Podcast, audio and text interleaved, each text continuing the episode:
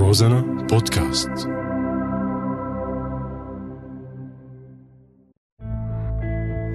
وعشو عم تباركوا لك هم البنات للممات لك عمي. والله هالعريس منيح لك بنتي. بعدين الرجال رحمة ولو كان فحمة. يوه حدا بيمسك رقبته لمرته؟ ما بيقولوا يا ويلي اللي بيعطي سره لمرة إيه دخيلك لشو عم تدفع لها دراستها؟ بنت آخرتها لبيت جوزها وللمطبخ شو أخطب له مطلقة ستي الله يرحمها كانت تقول شرف البنت مثل عود الكبريت بيشتغل مرة واحدة. أمي بدي إياها صغيرة مشان نربيها على إيدي. يو بثلاثين وما تجوزت؟ قولي عانس.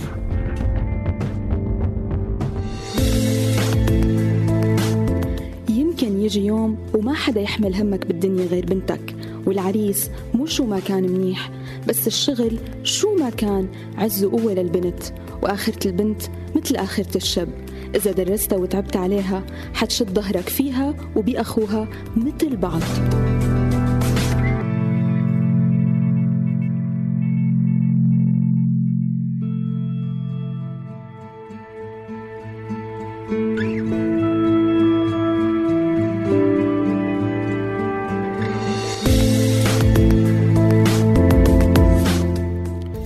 اليوم ضلع قادر رح نحكي عن موضوع كتير شائك وكتير آه، يعني صار في عليه جدل هو الاستغلال الجنسي. آه، كتير أخذ معنا وقت الموضوع لحتى قررنا أنه نحن نطلع بهاي الحلقة. بالأخير كان القرار أنه لا لازم هذا الموضوع ينطرح وعلى الملأ هو انتهاك يرتكب في المجتمع السوري بكتير تفاصيل آه، عم تصير. كل قصة كان انتهاك آه، يرتكب فيها بطريقة مختلفة.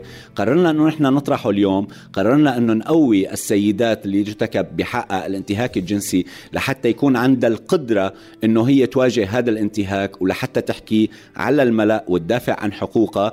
وبنفس الوقت نحط حد للمنتهكين وللمستغلين جنسيا من استغلال السيدات السوريات في المجتمع السوري.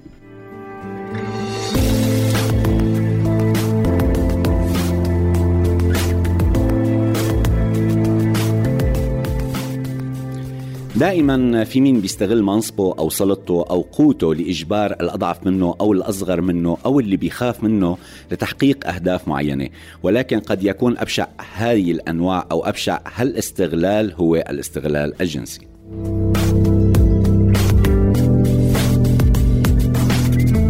شو هو الاستغلال الجنسي؟ هو استغلال شخص تفوق بسلطته أو تفوق بسلطته على شخص آخر لهدف جنسي. قد يكون هالشي مثلا بيعرض المعلم على طالبته درجات أو على آه، يعني بيجي بيجي المعلم خلينا نقول هي أكثر شيء كانت موجودة الحقيقة بالجامعة آه، بيعرضوا الدكاترة على الطالبات تبعهم درجات أعلى وبيتم تهديدهم في حال إنه هن ما استجابوا هن رح يرسبوا المادة. أو تهديد الرئيس في العمل بطرد الموظفة إذا لم تستجب إلى رغباته الجنسية. ويبقى هذا الأمر غير قانوني حتى لو ما استعمل الجاني العنف أو الإكراه الجسدي. يعني نحن ما مضطرين لنوصل لمراحل من العنف أو الإكراه الجسدي لنتحول الحالة لاغتصاب وليس استغلال جنسي هو بيتم طرح بمقابل شيء معين. إما أنه الطالبه ترسب بالمدرسة أو يتم طرد الموظفة من وظيفتها أو أو من هذه الحالات فهون بيكون الاستغلال الجنسي.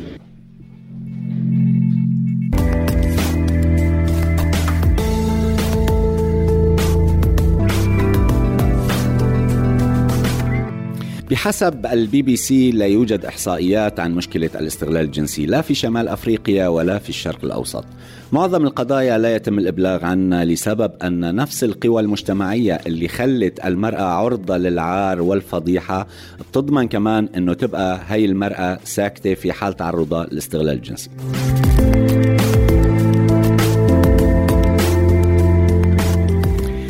الاستغلال الجنسي كتير أوقات بيستخدم العنف ضد البنات اللي بيتعرضوا للاستغلال أو الابتزاز الجنسي. وبالشكل الطبيعي مجتمعهم رح يطلق عليهم أحكام ورح يوصمهم بالعار والأكيد إنه رح يلومهم هن ما حيلوم المعتدي. وبحالات كتيرة هالمشاكل أدت لقتلهم على يد أحد أفراد أسرهم بجريمة تسمى جريمة الشرف.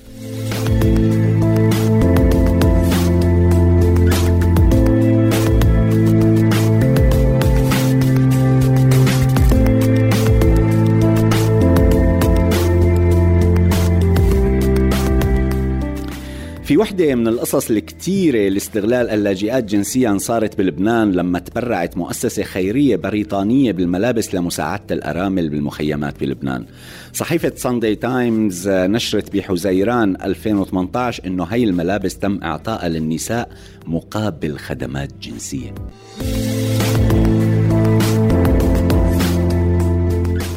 واتضح أنه تم استغلالهم جنسيا كمان لأجل المساعدات الغذائية وهالشي اضطر بعض النساء للرضوخ لطلباتهم مقابل أكلهم وأكل أولادهم وشربهم. لينا هي صبية بعتها خطيبها لعند مهرب ليوصلها على تركيا. خلونا نسمع سوا كيف كان طريق السفر وكيف استغل المهرب من خلال سكتش تمثيلي أدوه فريق روزانا لحتى يوصلوكم الفكرة بشكل آه، يمكن أبسط أو أقرب. ألو أهلين حبيبي كيفك؟ أهلين حبيبتي طمنيني وين صرتي؟ إيه وصلنا على لبنان شوي. إن شاء الله بس تعبت من العين رح نروح على بيت المهرب وبالليل رح نحاول نفوت. معناتها الصبح بتصل عليكي وتبشريني إنك بتركيا إن شاء الله. إيه إن شاء الله الله كريم. وصلنا على بيت أبو عبود المهرب. هذا هو الباب لمقابيلك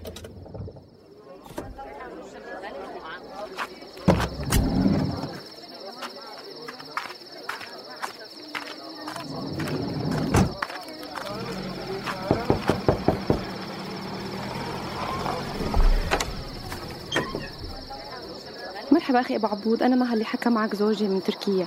إيه إيه أهلا وسهلا. تفضلي فوتي لعند معبود وفي عند الناس اللي رح يفوتوا معك تهريب كمان. بدي أسألك إيمتى رح نطلع؟ خلال ساعتين وبنكون طالعين. يلا يا جماعة رح نطلع. بس بدي أوصيكم ها في حال حدا انكمش الباقي بتخبوا. لحتى يروح الجندرمة يا منكمل يا بنرجع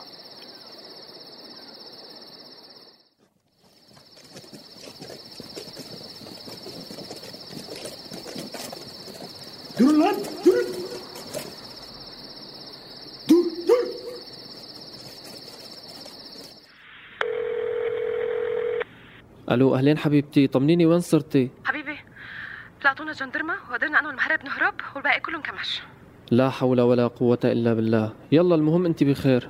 شو رح تعملي هلأ؟ يعني رح ابقى عند أبو عبود مع عيلته حتى نحاول نفوت بكرة. ماشي حبيبي ديري بالك على حالك. أبو عبود شو ما في حدا غيري عندكم اليوم يعني؟ إيه والله هيك قررنا أنا ومعبود الليلة تكون إلك. معبود قومي حطي لنا عشاء أبو عبود شبك؟ ليش هيك عم تقرب علي؟ إيه ليش يعني برأيك ليك الله يخليك أنا مرة محافظة وما بقبل بهيك حركات ابدا. والله تدري جوزي لحتى يعمل شر فيك ها؟ وعم تهدد كمان. لك تعي لهون؟ لك شقيت القميص؟ اي انشاء اي مو لازمنا. أخ فو عليك من بين الرجال. عم تضربيني؟ هي ما حدا استرجى وسواها والله رح دفع ثمنها غالي والله. لك تركني فهمي علي. يا بتقبلي وبهربك بكرة على تركيا. يا وأما رح خليك تندمي لآخر عمرك ها. لك انت مجنون؟ لك عمال لك تركني؟ رح أتركك بس بعد ما أخرب بيتك. معبود؟ تعي امسكي يا معي تعي رح ابعت صورك للمحروس جوزك اللي عم بتهدديني فيه وورجيكي كيف بيصير التهديد.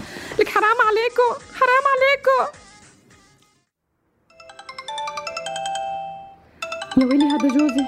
بس والله لاحكي له كل شيء. ألو؟ مها؟ انت طالق.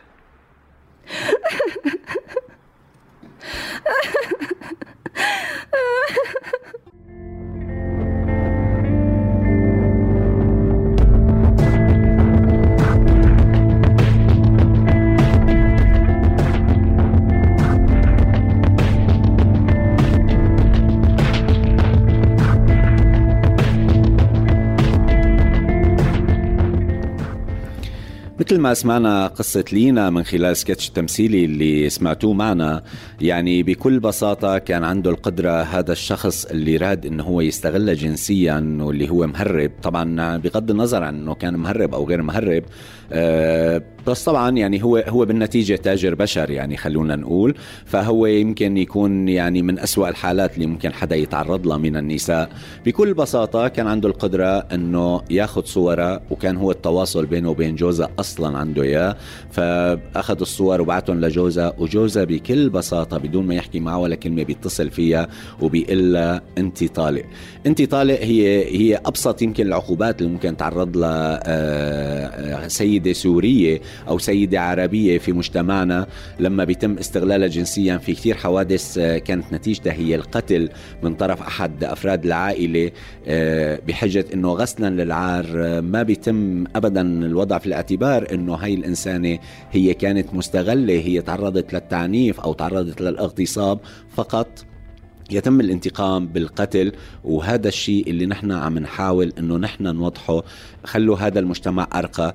خلونا نحن نكون بعيدين عن الاستغلال والعنف الجنسي وخلوا عائلاتنا نحن تكون أوعى للموضوع. الفتاة لما تسجن أو تعتقل وتعرض للاغتصاب هي مو طالبة بإيدها شيء. لما تعرض للاستغلال الجنسي ما دائما هي عندها القدرة بالدفاع عن نفسها. وهذا اللي عم نطرحه اليوم إنه في حالات الاستغلال هناك إمكانية للدفاع عن النفس والانسحاب بسهولة وفضح هذه الحالة. أما حالات الاغتصاب فلا حول ولا قوة يعني يعني بيكون الموضوع تم. فأرجو أنه نحن نمتلك من الوعي والروية أنه الجرائم هي ليست غسلا للعار إنما الجريمة هي جريمة بالنتيجة.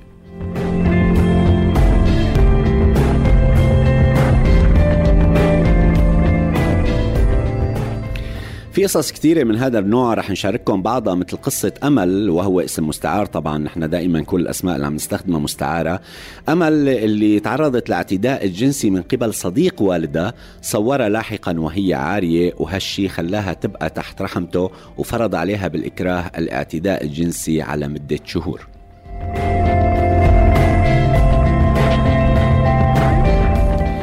طلبت منه أمل بعد فترة يجي لبيتها وقتلته. وهي حاليا بالسجن محكومة ب 25 سنة. بالوقت اللي فيه أخ أو أب قتل أخته وحصل على حكم مخفف بحجة الشرف.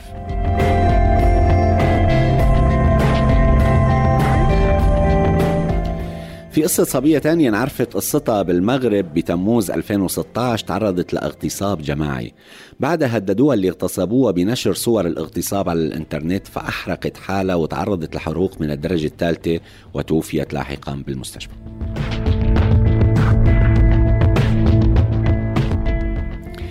كتار اللي بيسألوا ليش ما بيحاولوا ضحايا هالاستغلال إنهم يهربوا. السبب إنه كتار من المجرمين بهالحالات بيستخدموا مجموعة متنوعة من الأساليب للتلاعب والسيطرة على ضحاياهم. منهم مين بيخدع الضحية وبيطمعها بمقابل مثل وظيفة ما كتير تفاصيل هي موجودة أو أحيانا بيتم استغلالهم بالتخويف من القانون مثلا في حال كانت لاجئة وجودها بهي الدولة غير قانوني ومنهم اللي بيستخدم عنف ضد الضحية أو تهديد بالعنف ضد أسرتها.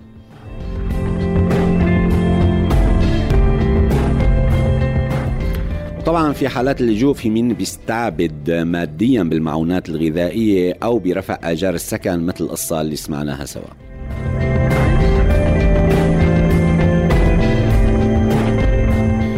الحقيقة وبحسب مكتب الأمم المتحدة هذا النوع من الجرائم قد يرقى لجريمة الإتجار بالبشر.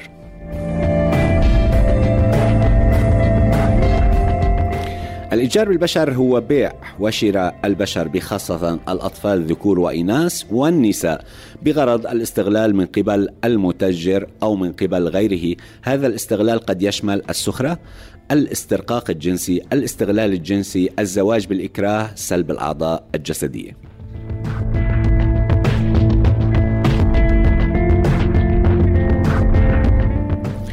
طبعا وبعض الإتجار بالبشر بغرض الجنس في المواثيق الدولية هو جريمة ضد الفرد.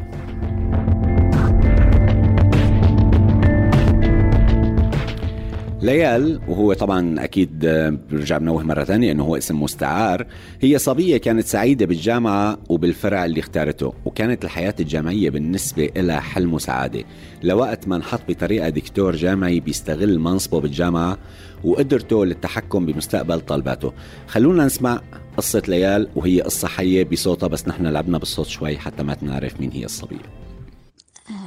أول ما فتت آه، على الجامعة كنت ماني حابة الجامعة أبدا وما كنت بحكي حدا أبدا.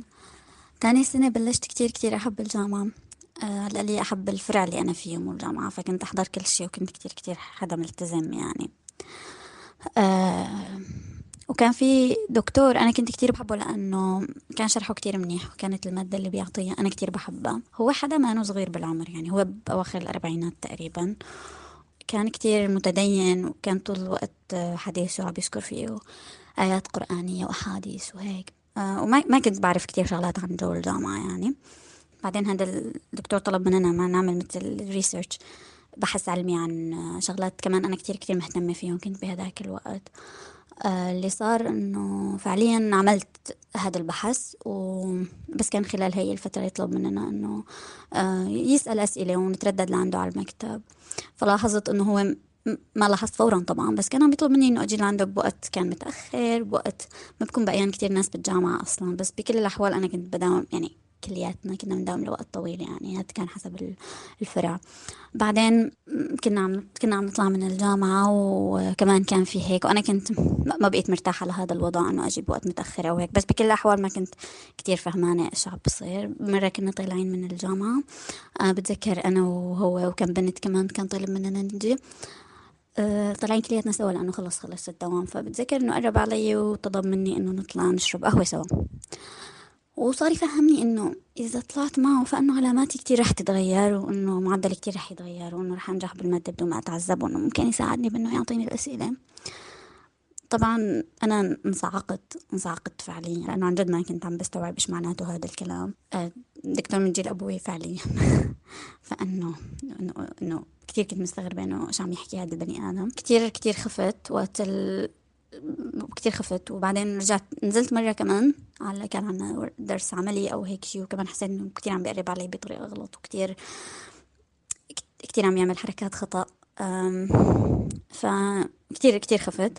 هون قررت إنه ما بعرف شو بدي أعمل لأنه لمين بدي أقول؟ يعني سألت لبابا فبابا رح يعلق بمشكلة كتير كبيرة آه، لأنه أكيد ما رح يسكت. وهذا الشخص كان واصل بالجامعة وكان رئيس قسم وكان أكيد يعني كل شيء بالجامعة كان كل شيء وسايط فهو كان من الناس اللي عندهم كتير واسطات خفت بابا يأذي خفت بابا يعمل شيء فما كنت عم بعرف شو أعمل.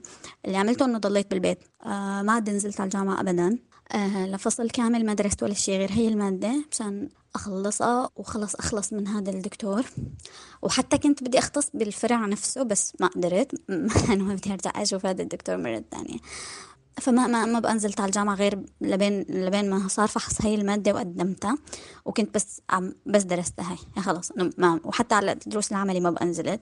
وكان بوقتها شوي عم بيسامحونا مشان موضوع دروس العملي لأنه لأنه كان فترتها إنه محرب وهيك كانوا إنه okay إذا ما نزلنا. فما بقى نزلت أبدا. وضليت كتير عم بخاف من هذا الدكتور. كنت بخاف كتير أنزل على الجامعة لحالي. وبخاف يتعرض لي لأنه أصلا يعني بكل الأحوال هو مكتبه جنب مكاتب بقية الدكاترة وأنا أكيد أنا بمرق هونيك يعني. ما كنت ما يعني ما بعرف كنت كتير أصغر من إنه أتخيل إيش ممكن يعمل.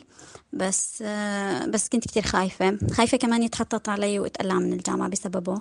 آه خايفة يعني خايفة من كتير شغلات. خايفة إنه يأذيني بطريقة ما إذا هو له معارف أو شيء لأنه ما بعرف.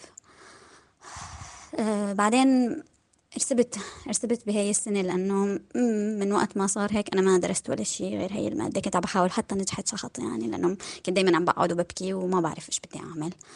فرسبت سنة كاملة آه، من ورا راسه لأنه ما خلص سنة ما عم بقدر بدرس شيء ما عم بقدر بعمل شيء بحياتي وما عم بعرف شلون بدي أتجاوز هذا الموضوع. بعدين شفت حدا من رفقاتي وحكيت له يعني هو شاب وهيك طويل عريض. عملت له هيك قال لي ليش خايفة كل هالد خلص أنا بنزل معك. فصار يوصلني على الجامعة. آه مرقنا أكتر من مرة قدام باب هذا الدكتور مشان نخوفه. هو عن جد خاف فما بقى يطلع فيني أبدا. آه كل وقت اللي أمرق من هونيك يعني. ودايما أمرق معه هذا رفيقي مشان يفكر إنه ممكن يأذيه أو شيء يعني ما ما, ما بعرف. ف بس هذا الشيء صار بالسنة اللي بعدها مو بالسنة نفسها فكنت already رسبت بتخيل هاي القصة غيرت مسار حياتي بشكل كتير كبير. يعني أنا اضطريت أطلع من سوريا وماني متخرجة آه، على شهرين فرق. يعني على آخر شهرين فأنا طلعت بدون شهادة. بس بكل الأحوال هذا الدكتور خسرني سنة من حياتي. كان مستحيل أعرف فيها إيش, إيش لازم أتصرف. أم آه وما بعرف. يعني كانت أصلا هذاك الوقت كتير كتير فوضى أكتر من إنه الواحد يعرف إيش فيه يعمل ف... ف... ببلد ما فيها قانون ببلد هذا الدكتور طلع معروف إنه هو هيك بيعمل. بعدين عرفت إنه هو معروف إنه هو هيك بيعمل وهيك تصرفاته مع مع البنات يعني. وانه معظم البنات اللي علاماتهم منيحة فبكون شربانين معه قهوه وعايطيهم الأسئلة. آه ف وهو معروف وما في شيء رح يتغير لأنه نحن مهما بس ببساطة ما في قانون بالعكس هو رئيس قسم حتى يعني. ف بتخيل كثير كانت حياتي تغيرت. يعني كان في كثير شغلات تغيرت. يعني كنت ما بعرف إذا كان فيني أشتغل بشهادتي ما بعرف ما بعرف إيش كان فيني أعمل. بس بس آه، مع إنه القصة صار لها سنين بس آه، معلمة فيني بطريقة ما أنا منطقية لأنه لأنه كان عن جد من أسوأ الشغلات وأكثر الصدمات اللي صارت معي بحياتي لأنه يمكن ما كنت كتير كتير ما كنت عايشة بجو مفتوح قبل الجامعة. كنت عايشة بمحيط كتير ضيق معظم الناس اللي حوا كتير قلال القصص اللي تعرضت لها قبل قبل الجامعة. آه كنت عايشة بمحيط كتير محترم محيط كتير ضيق محيطي الخاص يعني ما كان في آه مكان مفتوح. ف... فكانت كتير كتير كتير أثرت يعني كتير أثرت علي كشخص وكتير أثرت علي ك كثقة بالعالم بشكل عام يعني إنه آه إن كان دكاترة إن كان محترمين إن كان مو محترمين ما بعرف بس صار كتير كتير صعب أقرر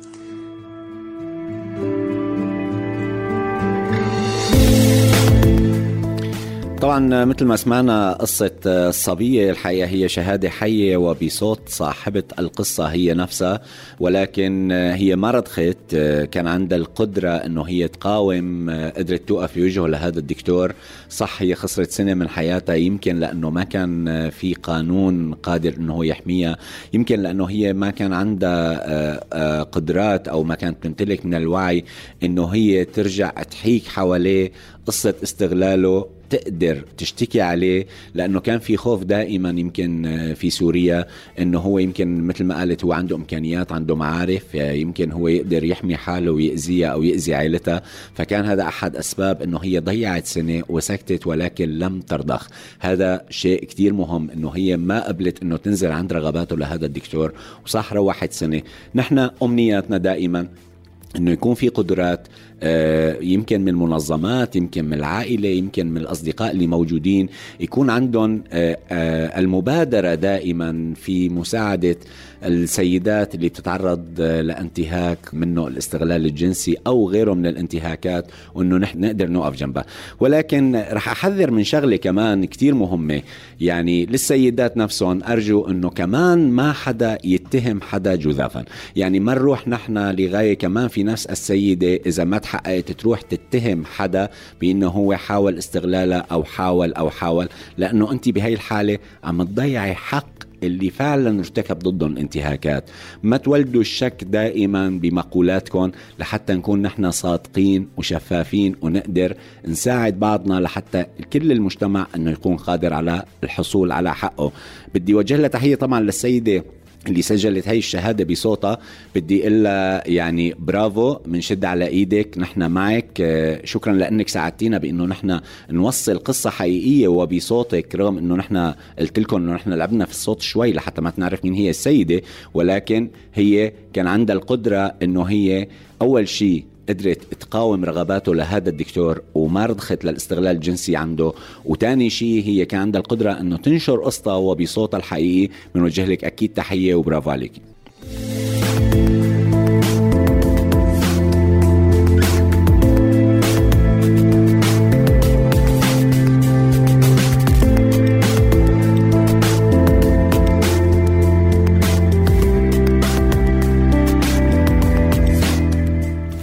رح نروح لشهادة حية تانية. كمان هي بصوت آه، السيدة اللي تعرضت للانتهاك. نسمع سوا ونرجع بنعلق عليها آه، مرة كنت عندي دورة فيزياء بالبكالوريا وطلعت من الدورة ورايحة على دورة رياضيات فصار واحد يلحقني يلحقني يلحقني يلحقني. طول الطريق عم بيلحقني وعم بيسمعني كلام كتير وسخ و... وتضايقت منه يعني. لبين ما بالأخير وصلنا على شارع فرعي وهو يعني رجال كبير بالعمر ما هو كتير صغير. رجال بيطلع عمره شي يمكن خمسين سنة ما هو كتير كبير. فنزلت ضربته كف ورقدت مشاعري خفت. يعني خفت إنه خفت إنه يقرب علي إنه يأذيني. كنت كتير متوترة وقلبي كتير كتير عم بدق. خايفة يقرب علي ويأذيني لأنه يعني أنا لما ضربته إنه الشارع فاضي ولحالنا يعني أنا خايفة إنه آه، يعمل لي شي. لهيك ندرت عليه وضربته ورقدت ما بعرف بعدها هو كان وراي ولا ما كان وراي رقد ولا انصدم ولا إيش صار ما بعرف أبدا. يعني إيش الله اللي أعطاني قوة كل قوتي رقدت وما طلعت لورا. لبين ما كتير كتير بعدت وصلت على الشارع العام طلعت شفته ما حوالي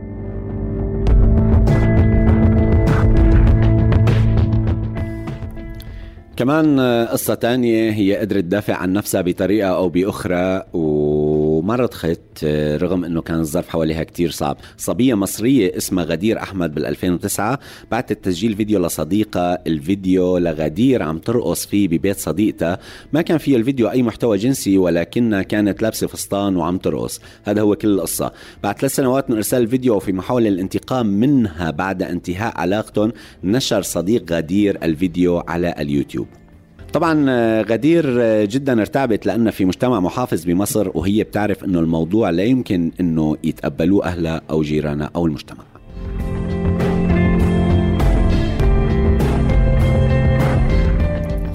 ولكن من سوء حظ هالشاب إنه بالسنين الثلاثة اللي ما كانوا فيها غدير آه، وهو أصدقاء مثل السابق على تواصل كانت غدير شاركت بالثورة المصرية وتغيرت أفكارها وبلشت تحكي وبجرأة عن حقوق المرأة بمصر.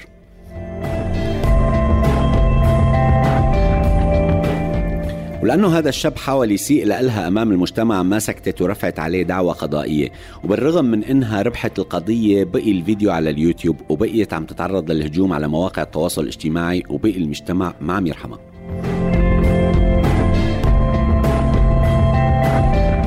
بالنتيجة غدير ما عاد قدرت تتحمل أكثر من هيك أخذت غدير قرار بإنها تنشر الفيديو نفسه على صفحتها. وفعلا نشرت على صفحتها الشخصية وبهالطريقة مو بس خسرت صديق صديقها والمجتمع القدرة على إهانتها.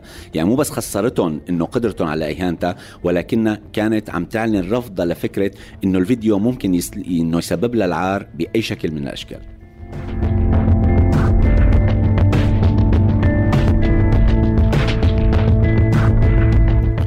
كمان حول الموضوع نفسه نحن سألنا مجموعة من الأشخاص شو بتعني لك كلمة عرض وشرف. خلونا نسمع الاستطلاعات الرأي اللي إحنا قدرنا نحصل عليهم الحرص على البنات بشكل عام اللي هن بخصوك يعني. إيش رأيك بالبنت اللي بتطبق شباب؟ حسب الهدف تبعولها. يعني إذا كان مثلا هدف تبع سلاي هي بنت ما منيحه فإنه أكيد ما منطقي. بس إنه إذا هي شخص عاجبها منيح وهي بنت منيحة وهو شخص منيح وكذا إنه هذا موضوع كثير طبيعي. يعني مثل ما حق الشاب يعجب ببنت حق البنت تعجب بشاب يعني موضوع كثير بسيط طيب الشاب اللي بيطبق بنات؟ كمان نفس المبدا إذا كان عم بتسلى فإنه هو أكيد هذا شيء غير مقبول. إذا كان هو شخص عن جد نيته منيحة وكذا فإنه أوكي عادي يعني هذا الشيء. بالعكس بتفاهم أنا بالنسبة لي عرض الشرف هو يعني شغلات كثير كثيره غير الشغلات عن مفهومنا الضيق للشرف. الشرف بالعمل الشرف بالحياة الشرف بطريقه العلاقات مع العالم. طيب إيش رأيك بالبنت اللي بتطبق شباب؟ يعني هي علاقة متبادلة من اثنين. ليش مسموح للشباب يطبقوا البنات لا. هلا كلمة عرض الشرف أنا بالنسبة لي أبدا أبدا أبدا. هي لما بتبقى بنقطة الدم اللي بتطلع بعلاقة النشاء البكر بالعكس يعني هي آخر شغلة ممكن ترتبط بالعرض والشرف. العرض والشرف هو بالأخير أخلاق ترباية مبادئ صح ماشي عليها الواحد هدول من العرض والشرف. لأنه هديك شيء أبدا من العلاقة بالعرض والشرف. رأيي بالبنت اللي بتطبق شباب رأيي فيها ما بعرف ممكن هي صغيرة ممكن إنه تركز ممكن إنه بتعوض عن شي نقص حنية بحياتها من أهلها أو أي شي. الشاب اللي بيطبق بنات؟ هو آه، شخص آه، طالع على الدنيا جديد هرموناته فايرة. حاب يهدي هرموناته بطريقة بتأذيه وبتأذي اللي حواليه. هلا لما يكون بنت وحدة عادي هذا صار اسمه حب وتطبيق لما يكون بنات للتجميع ولمراهنات الشباب وهالأكل الهوا لا هذا أكيد شيء يعني كتير كتير مرفوض. عرض وشرف. إيه أكيد هذا الشي يعني عايشينه. هو إنه ما يصير في حكي على العيلة وقت البنت بتكون لسه ببيت أهلها. للأسف ما مفروض هيك يكون. أكيد الشرف مفروض يكون متعلق بالأخلاق مو بالأعضاء التناسلية بس آه، هيك. البنت اللي بتطبق شباب ماشي منيح يعني ولا الشاب اللي بيطبق بنات. ليش يعني؟ يعني إذا حب ماشي ما ما بقى يمكن بهالأيام شي غريب أو شي عيب طالما يعني محترمين بعضهم ومحترمين الناس اللي حواليهم بس يعني إنه التطبيق معنى ضياع الوقت والتسلاية ما هو شي حلو يعني.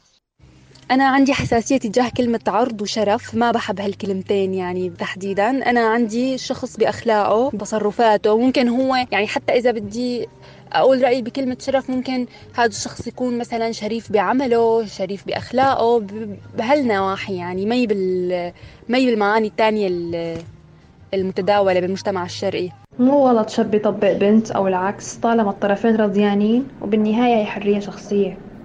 بالنسبة للعرض والشرف برأيي هو مسؤولية شخصية وما لازم يرتبط شرف العيلة كلها بغلط شخص واحد ارتكبه.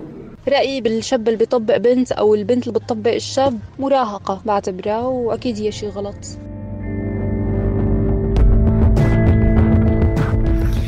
مساكم سعيد وكل خير المجتمع السوري. خليكم مع روزنا يمكن نرسم أمل. شو عم تباركوا؟ لك هم البنات للممات لك عمي. والله هالعريس منيح لك بنتي. بعدين الرجال رحمة ولو كان فحمة. يوه حدا بيمسك رقبته لمرته؟ ما بيقولوا يا ويلي اللي بيعطي سره لمرة إيه دخيلك؟ لشو عم تدفع على دراستها؟ بنت آخرتها لبيت جوزها وللمطبخ شو أخطب له مطلقة؟ ستي الله يرحمها كانت تقول. شرف البنت مثل عود الكبريت بيشتغل مرة واحدة. أمي بدي إياها صغيرة مشان نربيها على إيدي يو بثلاثين وما تجوزت؟ قولي عانس.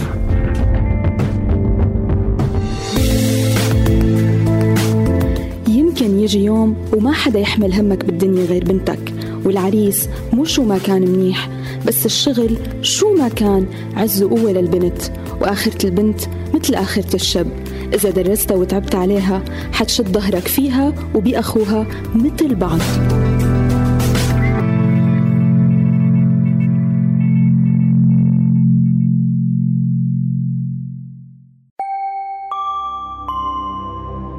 روزانا بودكاست.